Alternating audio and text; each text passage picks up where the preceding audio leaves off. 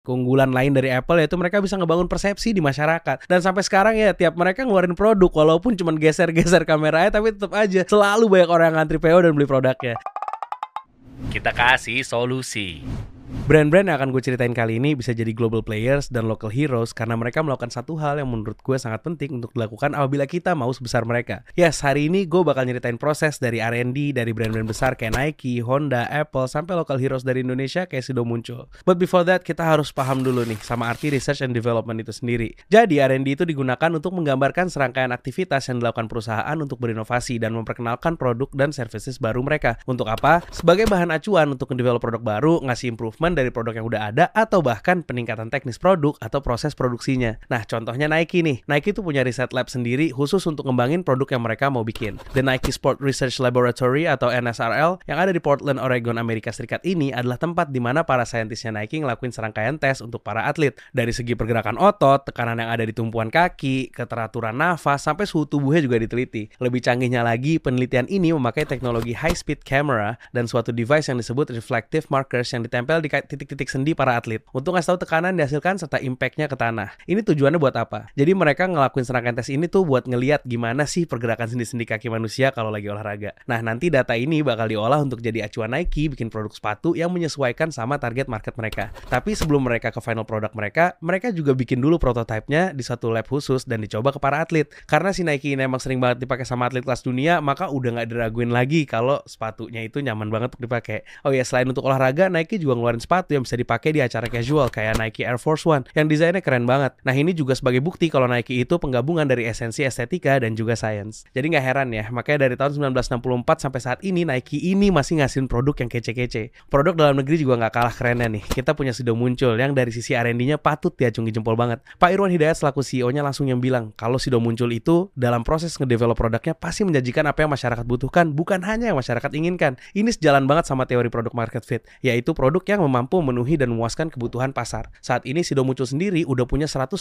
lebih produk yang beredar di pasaran. 100 di antaranya adalah produk generik dan sisanya adalah produk-produk yang kita tahu seperti kuku bima, tolak angin, kopi jahe, dan sebagainya. Dengan persaingan yang ada saat ini, Sido muncul mau nggak mau harus tetap berinovasi dengan cara mengetahui daya saing dari merek Sido muncul itu sendiri. Selain mengandalkan resource dari alam untuk produksi ramuan herbalnya, Sido muncul juga disupport dengan sumber daya manusia yang berkapabilitas dalam bidangnya. Ngalokasi dana investasi untuk R&D itu nggak sedikit loh biaya, tapi Sido muncul ini berani untuk ngebangun lab R&D yang gede didukung peralatan modern dan tenaga riset yang berkompetensi juga berpengalaman di bidangnya. Dari fasilitas tersebut, Sido muncul udah ngelakuin berbagai penelitian tanaman obat dan rempah yang siap diolah untuk jadi produk herbal yang dibutuhkan masyarakat. Strategi yang Sido muncul pakai ini adalah strategi diversifikasi produk, yang artinya mereka memperluas jaringan operasional produk dengan berpindah ke industri yang berbeda. Karena mereka yakin nih, walaupun mereka ngembangin produk lain, potensi pasarnya itu masih gede banget. Jadi contohnya, kalau dulu tolak angin cuma kita minum aja karena berbentuk cair, sekarang udah bisa kita oles ke kulit karena ada bentuk roll onnya yang ngasih efek panas kalau kita lagi pegel-pegel. Atau kalau lo nggak suka minum versi cairnya, sekarang ada versi permennya yang simple.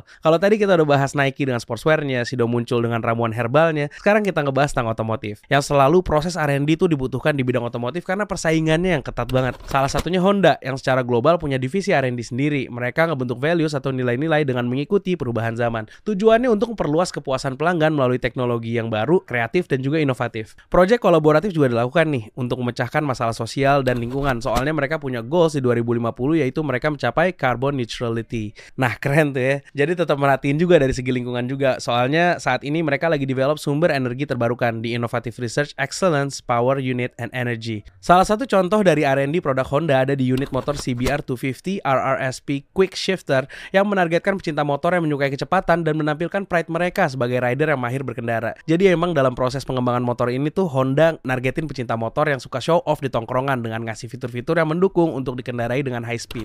Ada tiga core values dari divisi R&D Honda. Pertama, create, creation of the mobility Honda dreams of. Jadi bagaimana Honda menciptakan mobilitas yang diimpikan. Kedua, transcend, value to transcend various constraints yang di mana mereka punya nilai untuk melampaui berbagai batasan. Dan yang ketiga, augment, value to augment every ability and possibility of people yang artinya mereka punya nilai untuk meningkatkan setiap kemampuan dan potensi dari manusia. Terus Honda tuh nggak cuma ngembangin produk otomotif aja ya, manusia. Ada juga robot-robot eh, AR yang ngebantu manusia. Istilah dari mereka itu robot to expand people's potentials. Untuk Honda gue gak akan ngejelas panjang tentang R&D-nya, tapi di sini yang gue mau emphasize adalah kalau penelitian dan inovasi yang diberikan Honda itu membuktikan bahwa proses R&D untuk membuat sebuah produk yang diterima oleh pasar itu sangat proven. Nah, moving forward ke teknologi gadget, kesuksesan Apple bukan hanya sementara dari strategi marketing dan timing yang tepat. Konsistensi dan cara berpikir Apple Way yang ngebantu Apple bisa sebesar sekarang. Yap, Apple punya cara berpikir sendiri yang terbilang unik. Poin pertama ada design thinking. Awalnya komputer itu cuma diperuntukkan untuk bidang tertentu aja, kayak bidang militer dan pemerintahan, dan berlokasi di tempat-tempat yang rahasia. Intinya komputer itu dulu nggak bisa dipakai sama sembarang orang.